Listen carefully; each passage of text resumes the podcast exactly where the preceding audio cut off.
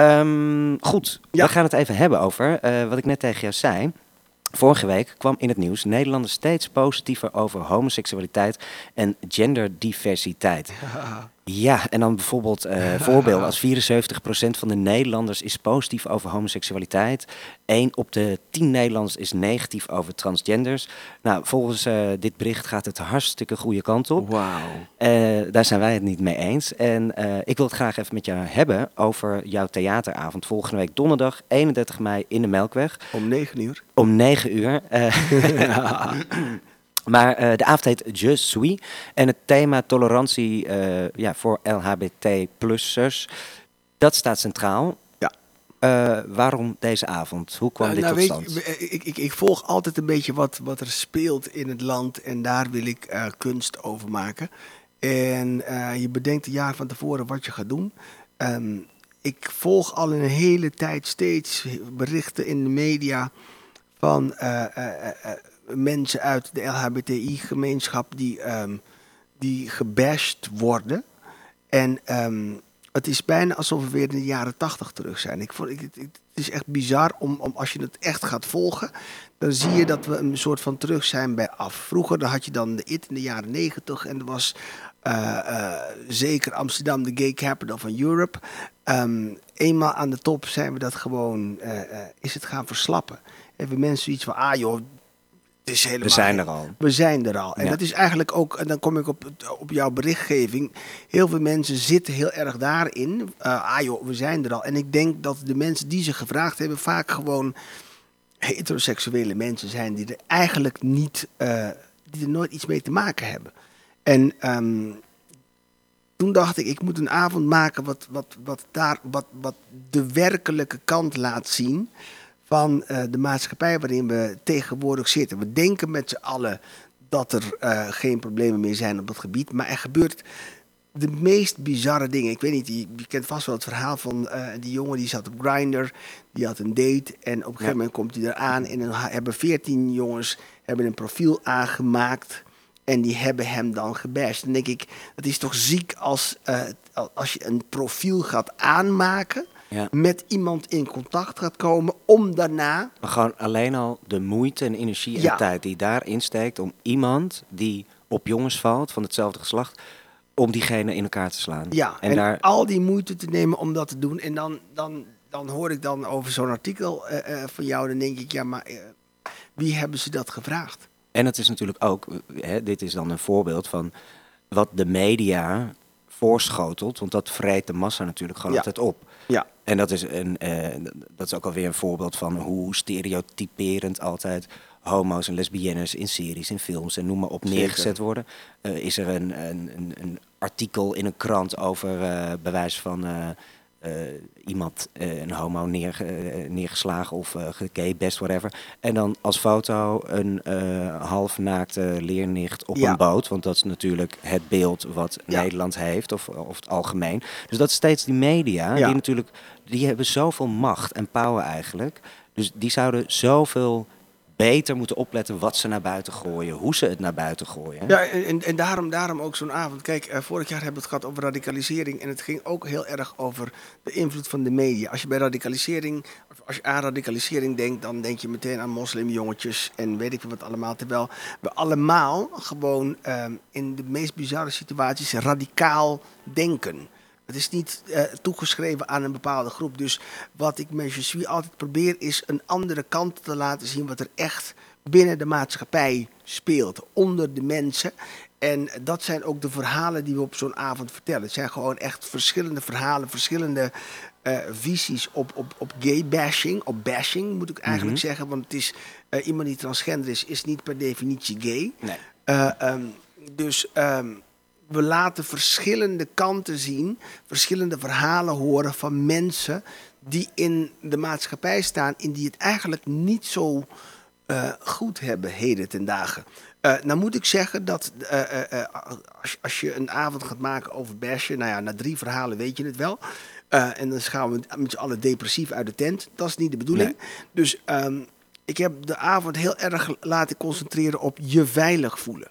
Wat moet je doen om je veilig te voelen in een stad. En dan krijg je echt hele mooie verhalen van mensen die zich anders voordoen, zodat ze niet gebashed worden.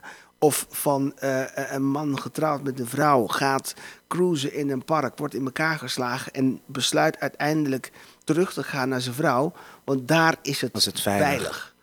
veilig. Dus, eh, Maar daar word- ga ik ook depressief naar huis hoor, nog steeds. ehm, ja, maar ja, niet, niet lullig bedoeld, Nee, maar nee, als nee, ik hoor van, oh ja, nee, laten we ons allemaal anders voordoen, dan ga ik nog steeds depressief naar huis. Je gaat niet he- helemaal depressief naar huis, want ik hou altijd van... Wat is het lichtpuntje, van Remy? Ik hou altijd van comic reliefs. In, eh, ik, het is heel, ja, kijk, op zo'n avond moet je niet alleen maar mensen gewoon met, met ellende kapot maken. Ik heb, ik, heb, ik heb altijd een soort van comic reliefs. Dan om eventjes adem te halen, zodat we weer verder kunnen. Dus het is niet alleen maar ellende en drama. Nee, maar het is juist goed, want ik bedoel, dit is ook de realiteit.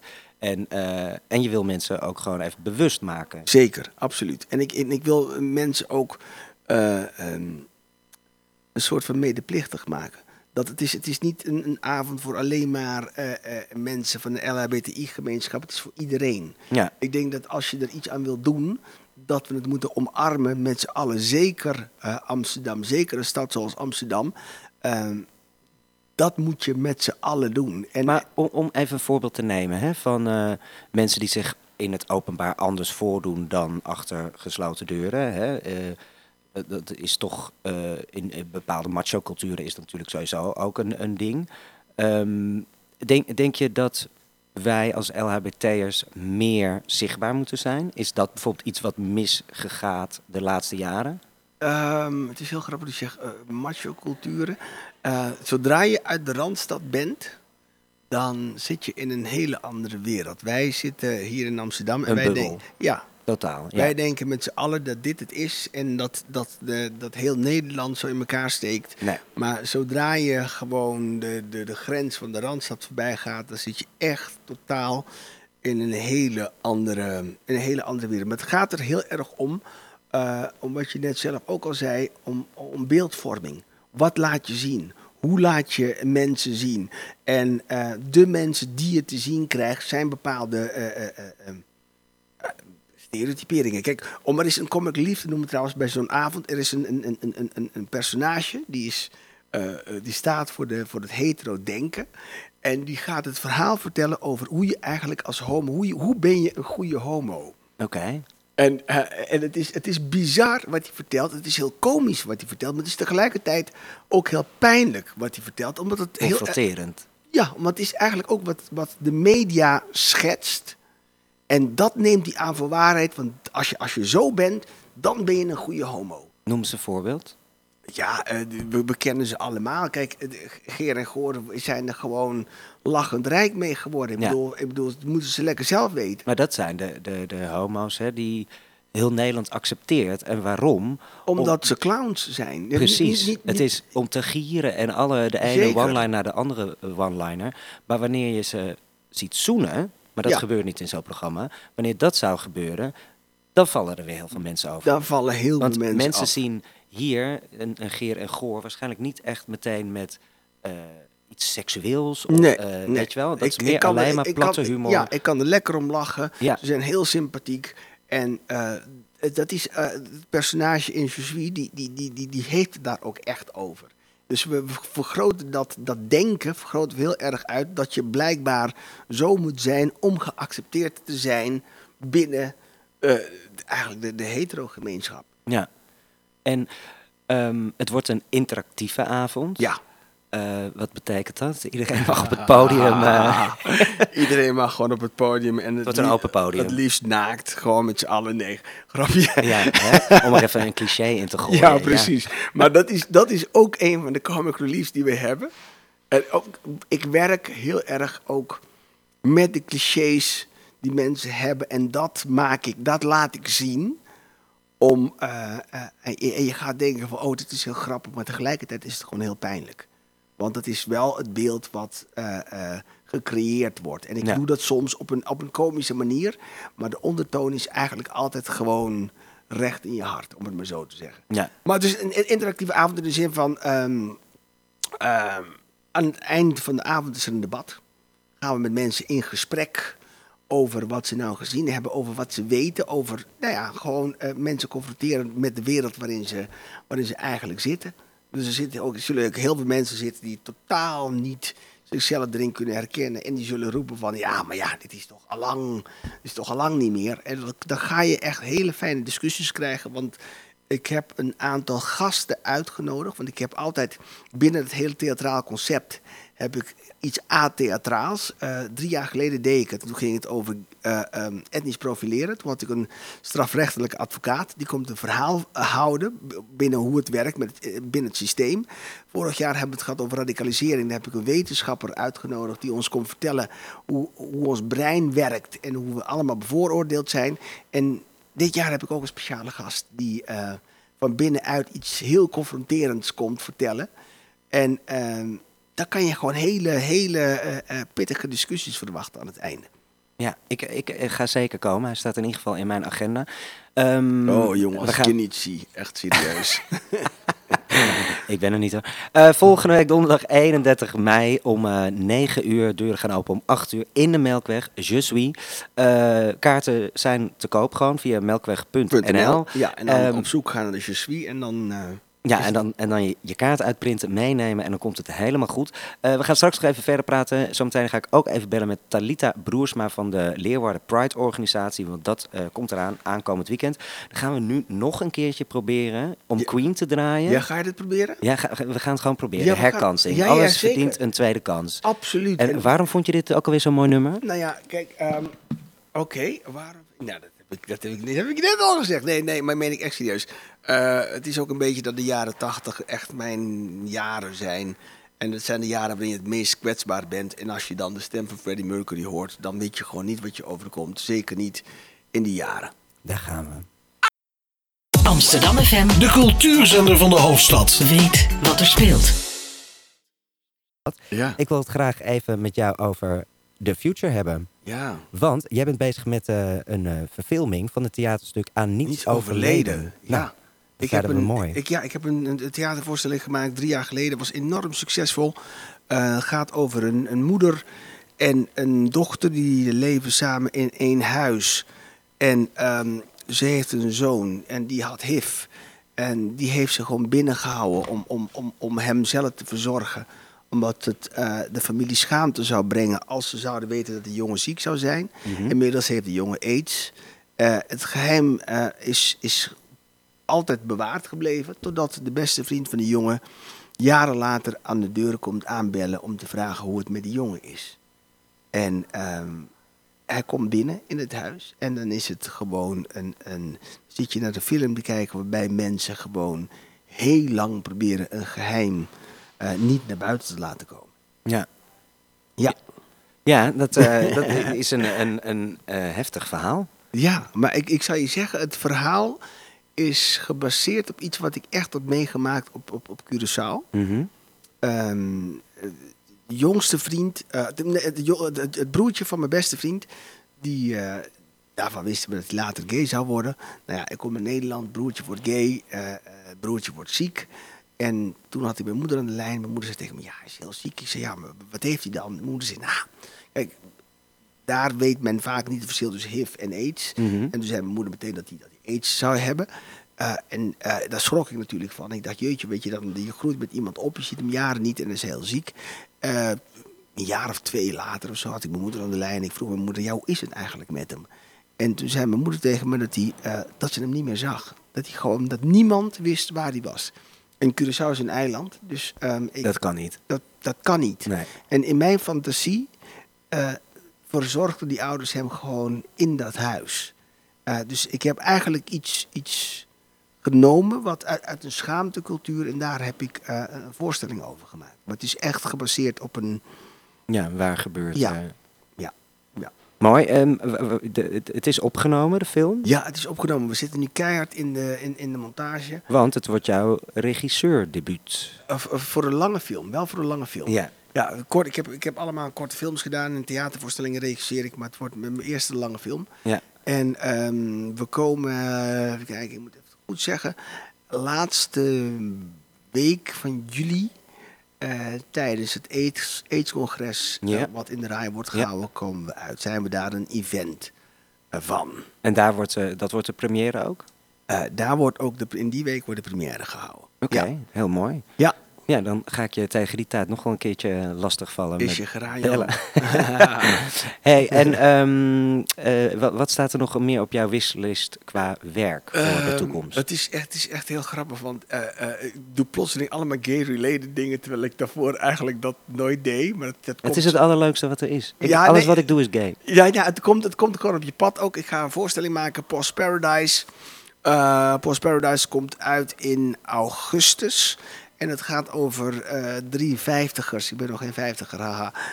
Nee, nee, ik heb net gerekend. Jij hebt net gerekend. Eh, die, eh, Misschien tegen die tijd. nee, we gaan binnenkort repeteren. Die eigenlijk in de jaren negentig HIV hebben opgelopen. En gedacht van, oké, het is afgelopen met onze levens. En nou ja, je weet, de medicatie is tegenwoordig heel erg goed. Dus je kan eigenlijk honderd worden, bij wijze van spreken. En ze hebben hun leven opgegeven. En, en ze zijn nog steeds in leven. Nu hebben ze zoiets van, wat gaan we nu... Wat gaan Doen we nu, nu we er nog doen? zijn. Ja, nu we er nog zijn. Nu we nog, nu we nog wat jaren hebben. Dus daar gaat, eh Post Paradise gaat daarover. En ja, weet je, ik doe echt zoveel dingen door elkaar. Ik ga ook een telefilm doen. Eh, En, en qua eh, privé, ben, je, ben jij in een relatie?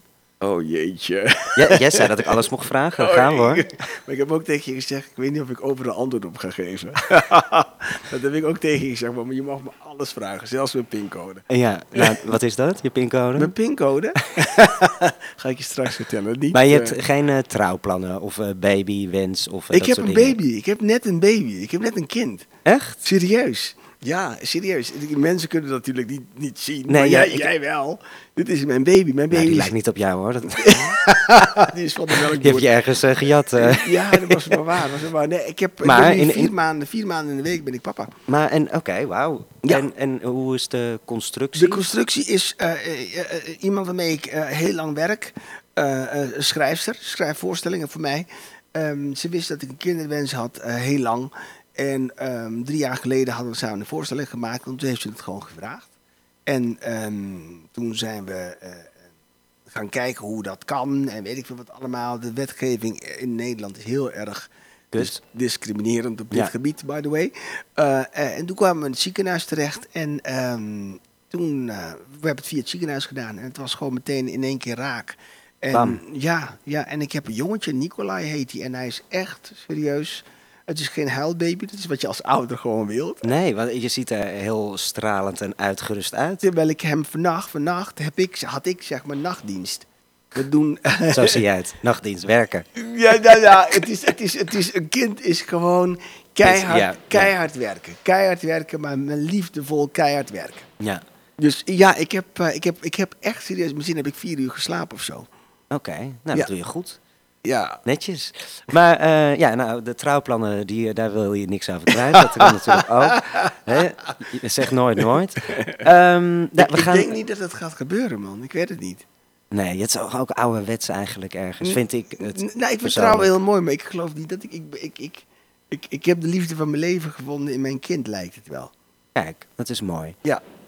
Oké. Nou, ik vind het een, een mooie afsluiter, want we moeten namelijk stoppen. Oh. We hebben nog één nummer wat we eh, gaan draaien. Je hebt natuurlijk weer geen idee welke. Maar ehm, ik wil je bedanken dat je hier aanwezig was vandaag. Heel erg leuk. En eh, nogmaals, 31 mei in de Melkweg, de avond uh, Je suis, theateravond over de tolerantie van de LHBT-gemeenschap. Ehm, Om negen uur. Om 9 uur Kaarten in de Melkweg. melkweg.nl. Melkweg.nl, zeiden wij, melkweg.nl. Volgende week is mijn gast Birgit Lewis. Vandaag is haar nieuwe eh, single Confident uitgekomen. En daar komt ze volop over vertellen en haar nieuwe album wat er aankomt.